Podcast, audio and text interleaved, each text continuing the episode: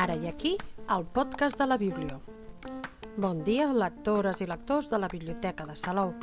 Sou a l'espai Biblio Salou Ràdio, els podcasts bibliotecaris que us informen mensualment de les novetats bibliogràfiques de la Biblioteca de Salou, que podeu seguir a Anchor i també a Spotify, a més de les nostres xarxes socials.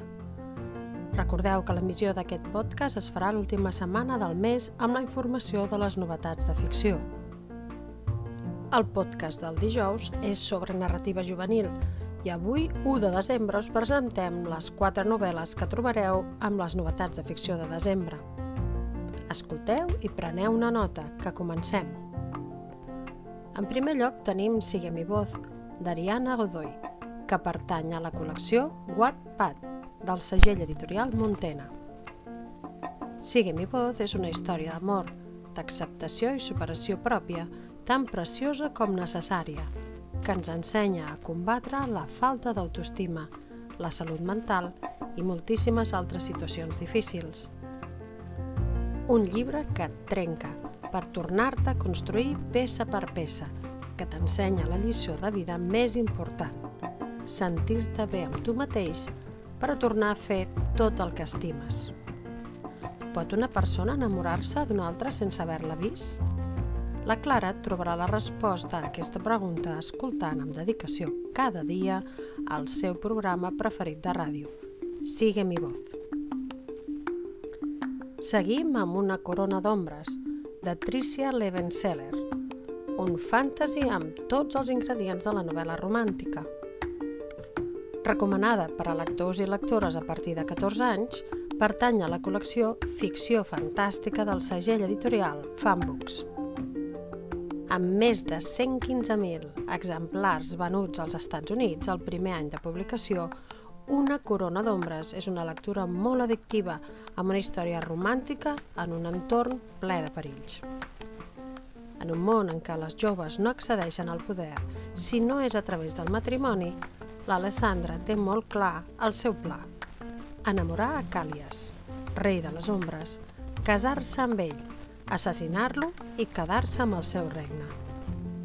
Perquè l'Alessandra, calculadora i fascinant, no és la típica princesa de conte, però el Càlies tampoc és el típic príncep blau.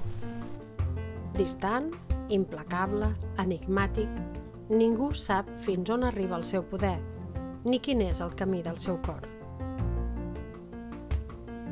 També trobem la següent novetat dins la col·lecció Ficció Fantàstica del segell editorial Fanbooks. Es tracta de Ravens, de Cass Morgan i Daniel Piaget. Ravens és el primer volum d'una biologia i ens descobreix una fantasia urbana que barreja elements sobrenaturals al costat de situacions i problemes de la vida real, creant un còctel perfecte de misteri, acció i fantasia.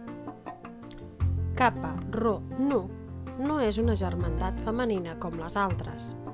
Les seves festes i els seus actes per recaptar fons són els més exclusius de tot Westerly College.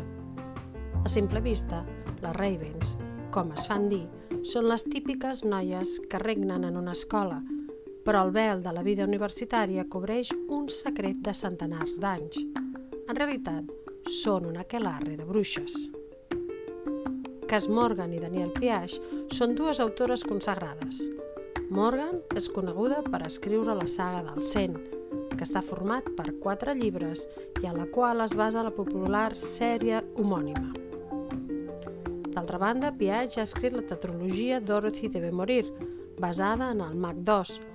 Per tant, les dues són expertes en novel·les de fantasia juvenil. I finalment, la darrera novetat de desembre és Tutankhamon, el descobriment de la tomba, de Maria Carme Roca. Al final de l'any 2022 coincideix amb el centenari de la descoberta de la primera i única per ara tomba reial egípcia que no ha estat saquejada. La gran màscara d'or de Tutankhamon va veure la llum i amb tot el seu aixovar funerari va permetre conèixer millor la història i costums de l'època. La narració transcorre en dos nivells – per una banda, les aventures de l'arqueòleg britànic Howard Carter, que va fer la descoberta de la tomba del jove faraó. L'altre fil relata els fets del regnat de Tutankamon, que va viure al segle XIV abans de Cris. Els dos fils s'alternen donant una gran vivesa a la trama.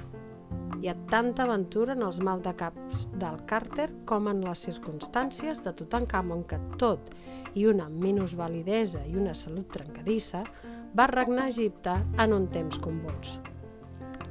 La base dels dos relats és històrica. L'autora apropa a tots els públics uns fets llunyans per a molts, com són les excavacions arqueològiques de la mà d'un personatge, Carter, que és un exemple de constància i tenacitat.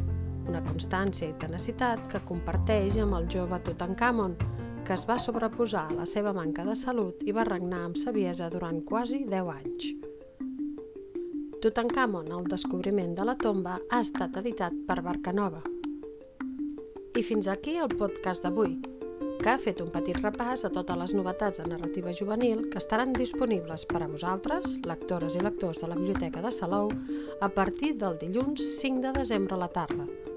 Que tingueu molt bon dia i molt bones lectures que us acompanyin en el dia a dia.